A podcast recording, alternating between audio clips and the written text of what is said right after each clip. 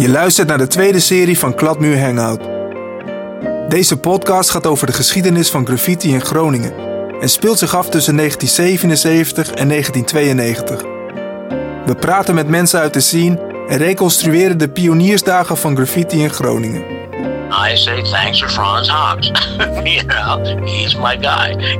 Op den duur zal blijken dat het wel eens een heel belangrijke vernieuwing in de beeldende kunst zou kunnen zijn in de jaren 80. Hij zag iets heel nieuws. Hij zag felle kleuren, hij zag vormen die hij niet kende, letters. eh, hij zag een techniek die hij niet kende. Dus er kwam heel veel kritiek van mensen die zeiden: ja, maar graffiti, dat is toch geen kunst? Dat, dat hoort op straat, dat is kladderij, vies, illegaal, dat moet je verwijderen. Dat kan allemaal niet natuurlijk. Tex, dat is gewoon een, een naam die eh, heel, heel veel mensen gewoon verder niks zeggen. Die komt dan vaak voor. Wie is dat? Op een gegeven moment loop ik in de stad, in de Poelenstraat en staat hij zo voor me. Hij zegt, jongen, jij moet even meekomen. What we did, we made something happen. It, it, it was an exciting time, and a lot of it had to do with hip hop blossoming. They're giving us a chance, they're giving us a window. A whole lot of this would not have happened if there was no Franz Hawks. Dit is aflevering 3. Ik vond het van belang omdat je ziet dat er inderdaad in die graffiti sprake is van een vernieuwing. Je hebt in feite te maken met een uiting van een minderheidsgroep die zich vooral in New York eh, manifesteerde. Die een hele eigen techniek ontwikkelde met spuitbussen, die ook een hele eigen thematiek ontwikkelde. En bovendien, als je dan het beeld ziet, is dat een heel spannend en eh, sterk beeld. Dus ik dacht, daar moeten we op in. Ook al omdat ik eigenlijk verwacht dat op den duur zal blijken dat het wel eens een heel belangrijke vernieuwing in de beeldende kunst zou kunnen zijn in de jaren 80. Je hoorde Frans Haks in een fragment uit het programma Nova uit 1992. Haks is de oud-directeur van het Groningen Museum die in de jaren 80 en 90 meerdere tentoonstellingen met graffiti uit New York organiseerde.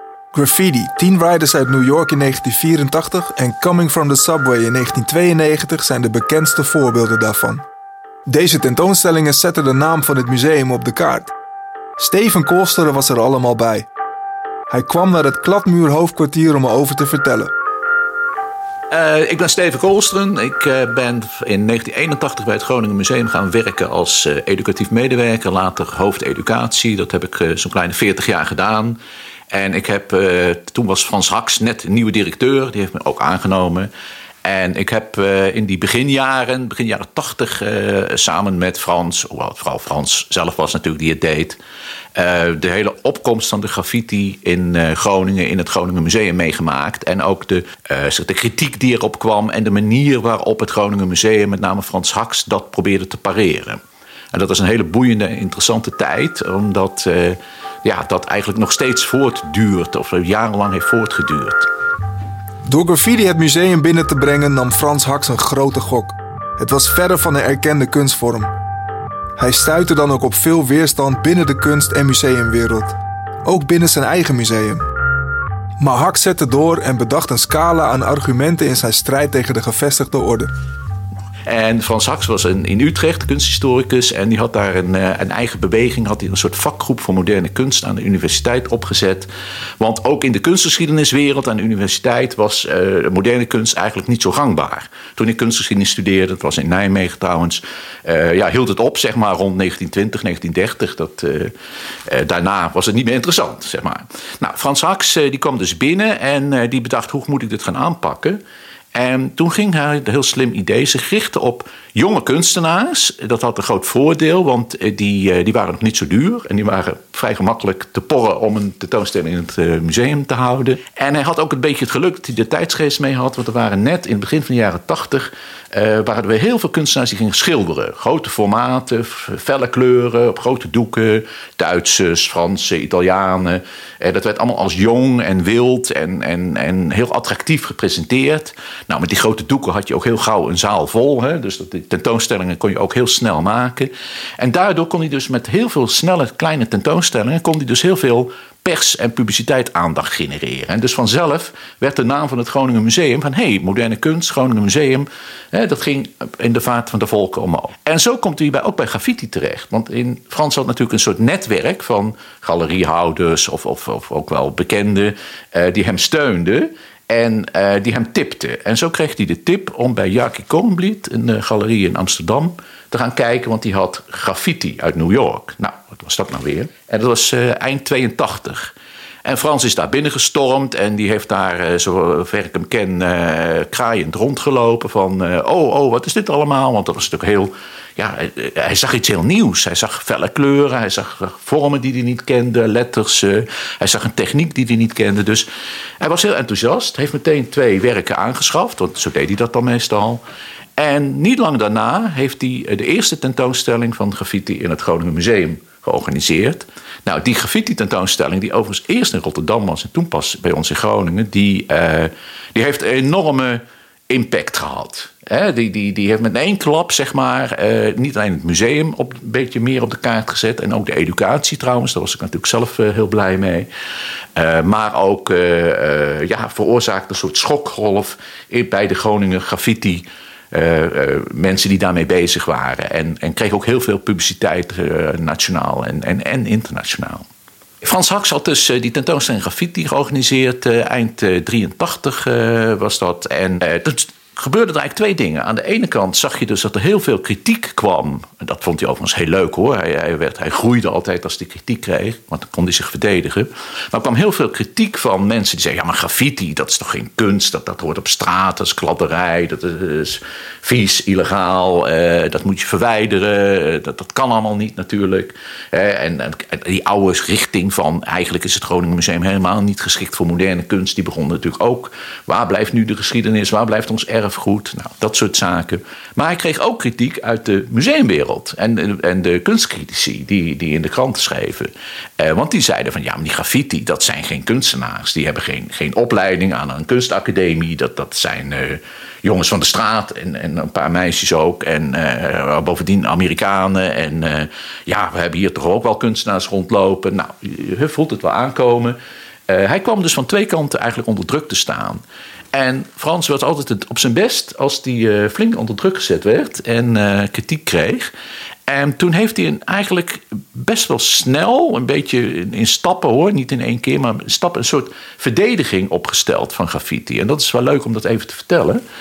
Uh, want dat deed hij in, hij schreef wel inleidingen in catalogie en hij hield met name speeches bij openingen. Eigenlijk was hij daar nog het beste in, hè, als hij vrijuit kon praten. En ook wel, wel mondeling intern deed hij dat natuurlijk wel. En hij heeft een verdediging van graffiti door graffiti te verklaren tot een belangrijke stroming in de kunstgeschiedenis. Want hij was een kunsthistoricus van huis uit, hij kwam van, de universiteit. En eh, daar had hij een aantal argumenten voor. En uh, een van die argumenten was uh, de handtekening. kijk, zegt Frans.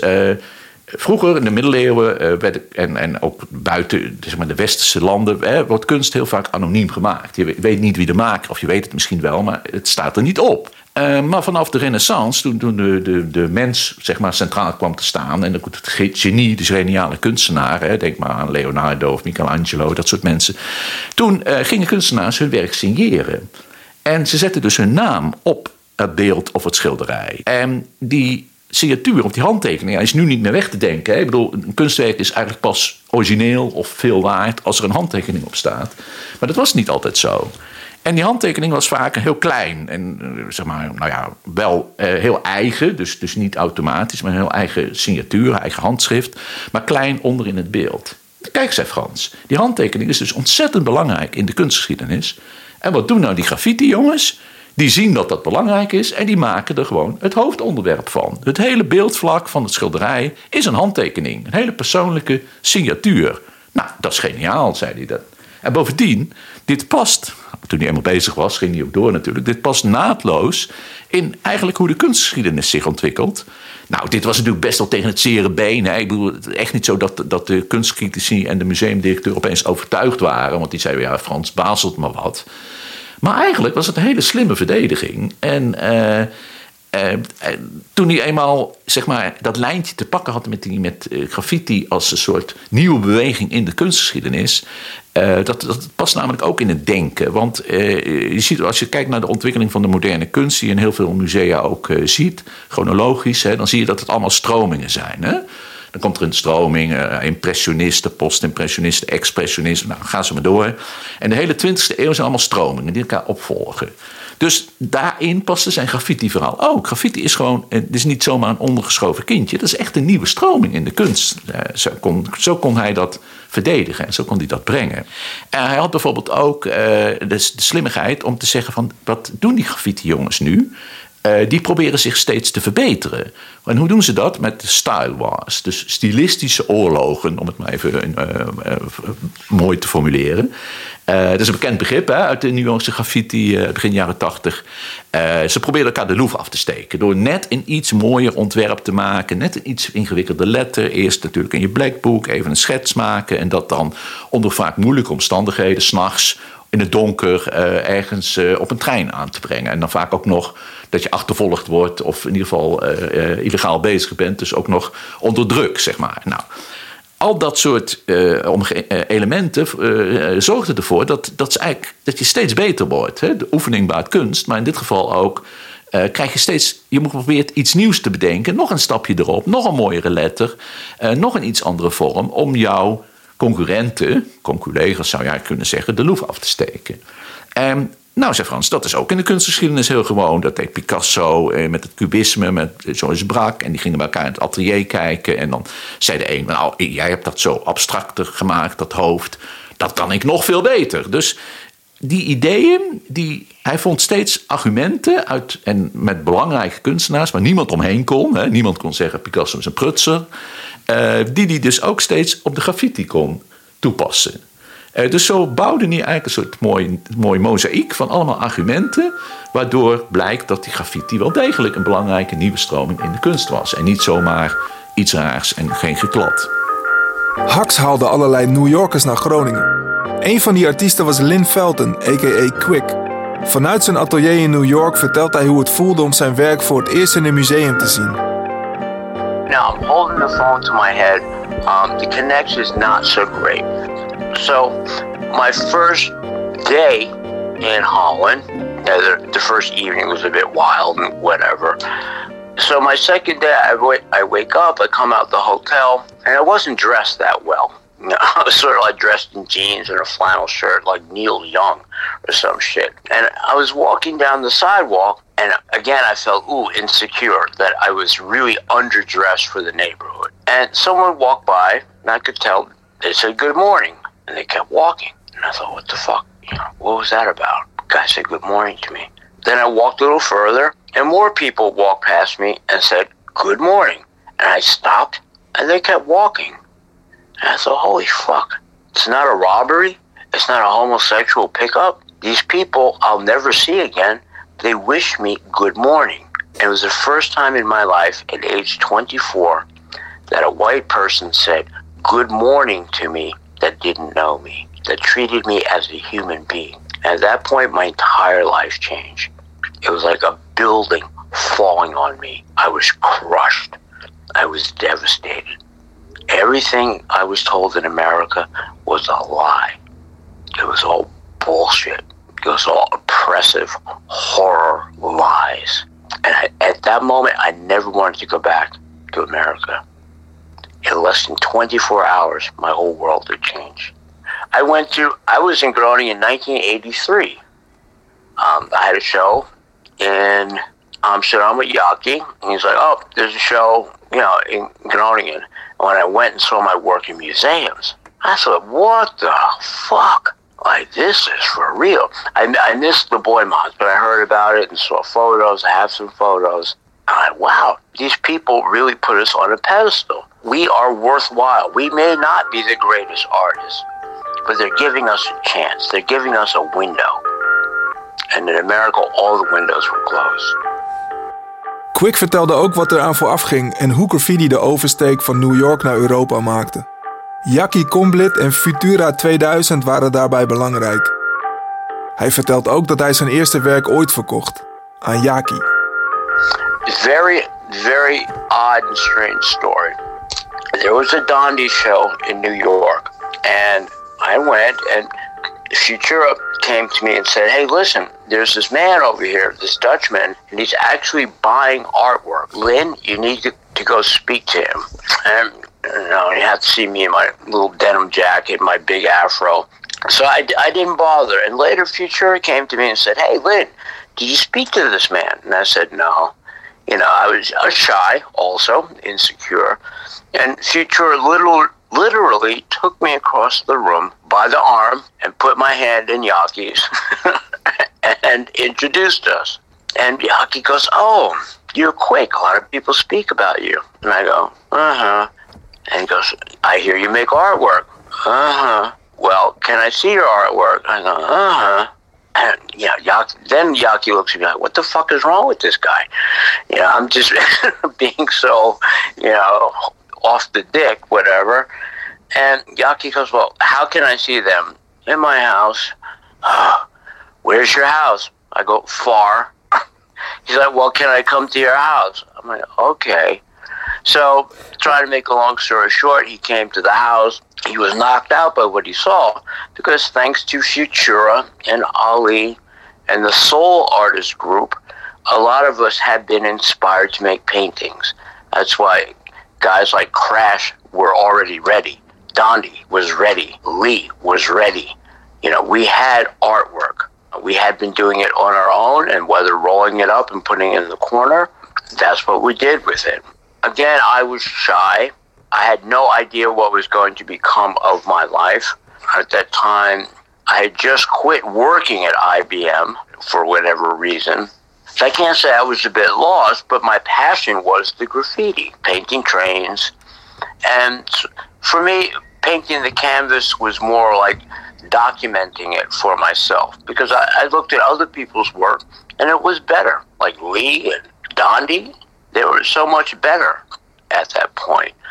So I didn't have enough confidence. Luckily, my father, he was very supportive, believe it or not, of the graffiti, um, except when I got arrested, but he never, you know, broke my stones over that. In a way, I guess he was sensible. I guess he figured, well, if I tell the kid not to do graffiti, he's still going to do it, so why waste my breath? And he would just hope that I would be safe. So honestly, my father had been a big sponsor. He also liked our writing group. The day Yaki did come to my house and bought work, I'll never forget. Yaki left with his girlfriend about three o'clock, and I called my father and, and I broke out in tears. And I said, Dad, I sold something. You know, I sold some artwork. And I started crying like hell. And my dad kind of started giggling and he goes, You know, are you drunk? you know, what are you crying for? And I go, No, Dad, it's so thrilling. He's like, Son, I'm really proud of you. I'm like, No, Dad, it's three in the afternoon. I'm not drunk. But, you know, just the thrill of it that perhaps someone other than Futura, other than my father, someone from the outside world had faith, you know. And that was the biggest kick. That someone liked what I did. In Nederland leerde Quick al snel Frans Haks kennen. Hij vertelt erover in het volgende fragment. Actually, I guess meeting him in 1983, and we stayed in contact all these years. And, and we did some, you know, some social things, you know, him and his boyfriend, me and some other artists. So it wasn't always about know, it was about, you know, half the time just getting drunk and, and, and laughing. Uh, that's how I knew Franz. However, he was like a Yaki, uh, like a good scout. He knew what was hot, what was interesting. And he knew even if it was against the grade that he had the power and the courage to promote it. And you know, he did a lot of things in his life that you know people were against, but he did it. It was his life. Um, so when he passed, you know, I, I was crushed. I was devastated. You know, and then I, I, I remember the obituary, and, you know, because I'm there and I'm looking in the newspapers about his death, and it was really like a very small article on Franz. You know, and I thought, in like the Volkskrant, and I'm like, wow, you know, I've gotten more press than the Volkskrant. So when he died, kind of people didn't know. And of course, the graffiti people on the street running to galleries, whether they're in New Zealand or Paris, they don't know the legacy of Franz Hawks. And I really wish that, you know, someone could stand up for him and write more about him. It would not have happened without him. Het was een gewaagde gok van Frans Haks om de graffiti het Groningen Museum in te halen. En het ging niet van een leien dakje. Maar nu weten we dat hij een goede keuze had gemaakt door te pionieren met graffiti-kunst. Steven Kolsteren, kom er maar in. En dat maakte het zo dat het Groningen Museum daarmee dus ook landelijk, maar ook wel internationaal, enorm in de belangstelling kwam te staan. Een beetje als het graffiti-museum. Wat misschien een beetje te veel eer was hoor, want er waren natuurlijk nog wel, uh, meer dingen. Maar uh, kreeg daarmee een behoorlijke boost, zeg maar. En het leidde er zelfs toe dat, grappig verhaal, dat op een gegeven moment een Amerikaanse verzamelaar was. Een, een ambtenaar uit New York, die heette Norman Dubrow. En uh, die woonde in een heel klein appartementje in New York. En die verzamelde graffiti, maar eigenlijk een beetje stiekem, want hij was gemeenteambtenaar. En uh, ja, graffiti was nog steeds eigenlijk illegaal. Hè? Dus dat mocht niet al te zeer bekend worden. Dus wat deed hij nou? Hij verzamelde tekeningen, of, of werk op papier. En die waren over het algemeen ook, ook, niet al te groot. Dus die kon hij makkelijk in zijn appartementje opbergen, zeg maar. Maar op een gegeven moment had hij zo'n grote verzameling... dat dat zelfs voor zijn uh, huisje te veel werd. En toen bedacht ik, ik ga maar een groot deel van die collectie schenken. En de eerste beste museum... Hij wou het aan het museum schenken dus. Hè, om het uh, te bewaren en natuurlijk ook, hè, in zijn naam. En toen kwam die Poing, het Groningen Museum, tegen. Graffiti, Groningen Museum. Nou, hij kende Frans Saks helemaal niet. Frans Saks kende hem helemaal niet. Maar hij heeft Frans Haks een brief gestuurd. En Frans was natuurlijk raaiend enthousiast. En die is ook meteen naar hem toegegaan. En zo is er een hele grote schenking van schetsen, ontwerpen, papier. van echt alle grote graffiti-kunstenaars uit de jaren tachtig. In de collectie van het Groningen Museum terechtgekomen. Hij heeft het zo op de kaart gezet dat het nu ten heden ten dagen nog steeds niet weg te denken is uit het Groningen Museum. Ook al zijn er andere directeuren gekomen die hele andere smaken en visies hebben, toch hebben die ook nu weer die graffiti omarmd. En dat is allemaal te danken aan Frans Haks. Terug naar Quick. Het beviel hem wel in Europa en hij streek neer in Groningen en werd in de jaren 90 onderdeel van deze stad. And, and the 90s, the hip hop was coming. So, you know, I wasn't that old. So let's dance, let's party. You know, I painted the Vera for free. I painted the Simplon for free. I do anything for free. Just to be a part of something. You know, became my family. You know, um, it, it, it, was an exciting time, and a lot of it had to do with you know hip hop blossoming, and whether skating was blossoming, graffiti was blossoming. Amsterdam was completely taken over by graffiti in the 90s. There's a huge explosion. Maar hoe belangrijk Frans Haks in het Groningen Museum ook zijn geweest voor de ontwikkeling van street art, zonder de straat zou het er nooit zijn geweest. Over de plek van graffiti op straat voor de schrijvers en de bewoners van de stad heeft Peter Luining, alias Slons, goed nagedacht. Ik ging toen filosofie studeren, maar je hebt een filosoof, een zekere Baudrillard, misschien ooit van gehoord, Jean Baudrillard. Die heeft een paper, een, een stuk geschreven over graffiti. En dat heet Cool Killer. En die schreef in de mid-70s hoe hij tegen graffiti aankijkt. Dus wat hij ziet bij graffiti, om het zo maar eens te zeggen, is dat het een, een verschijnsel is wat opeens New York in beslag neemt. En we hebben het dan over tags, hè, die heel niet esthetisch zijn, dus niet mooi. Dat hij dat, dat, dat verschijnsel ziet en dat hij dat als een soort uiting ziet van het terugveroveren van de stad door mensen die ergens lokaal wonen. Dus je hebt gewoon zwarte wijken uh, en die mensen die peuren overal die, die graffiti neer als een soort, soort afbakening van, van hun territorium.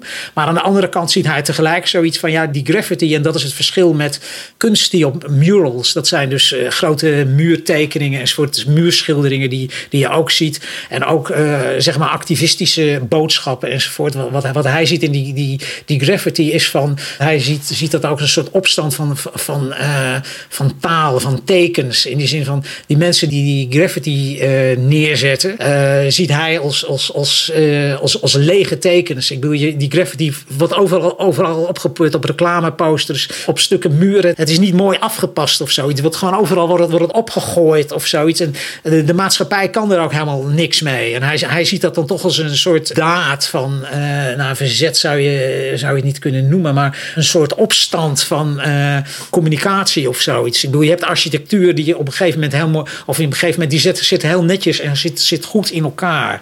En gooi je dan wat vieze tekst op of zoiets, dan, dan is dat heel onesthetisch en vies en het past niet. En voor Baudrillard, die, die heeft het over van, wij zitten heel erg vast in ruilwaarde. Iets moet waarde hebben. Die grote murals, dat zijn ook vaak uh, gesponsorde dingen. Dat grenst ook aan kunst. Dat, dat, wordt betaald enzovoort enzovoort. Terwijl die, die graffiti is gewoon een, een, een soort daad wat, waar, waar, waar in eerste instantie geen geld mee te verdienen valt. Dus het is een soort, soort afbrokkeling van, uh, van het ware systeem. Van, uh, kijk, reclames, daar wordt voor betaald en dat is, daar zit een boodschap in. En in die graffitis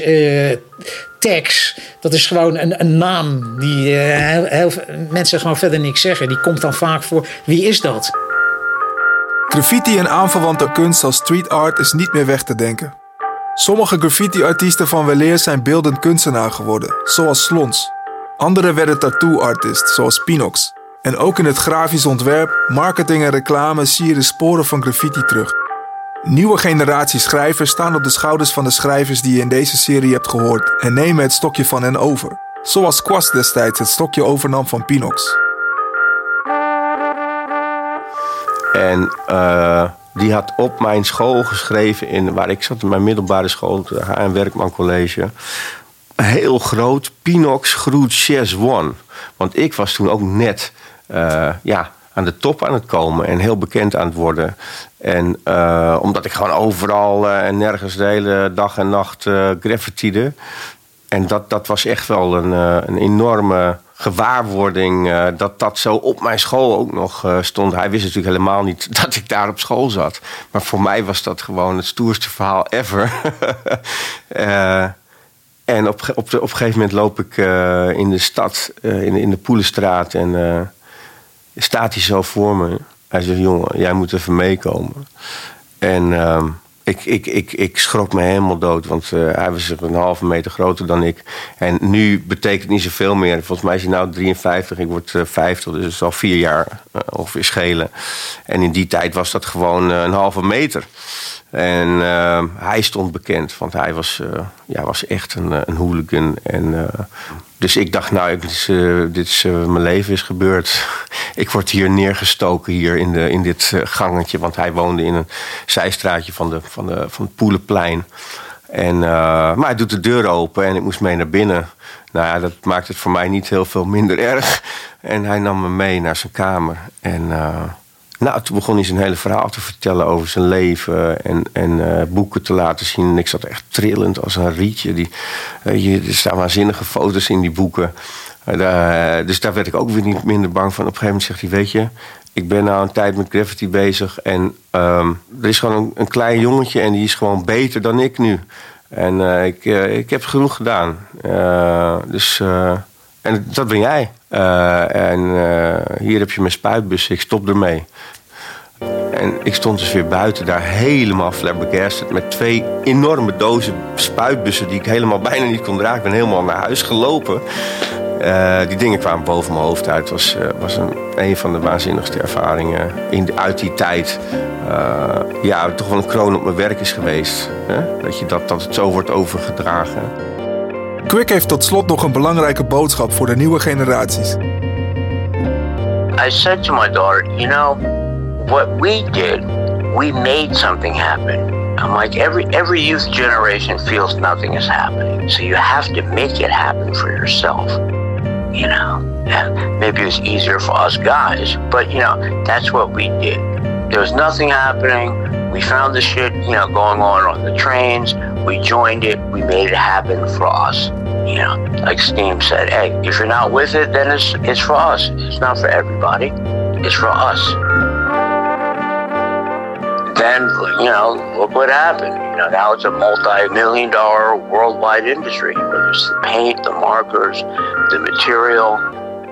So we made it happen. And I say thanks to Franz Hawks. you know, he's my guy.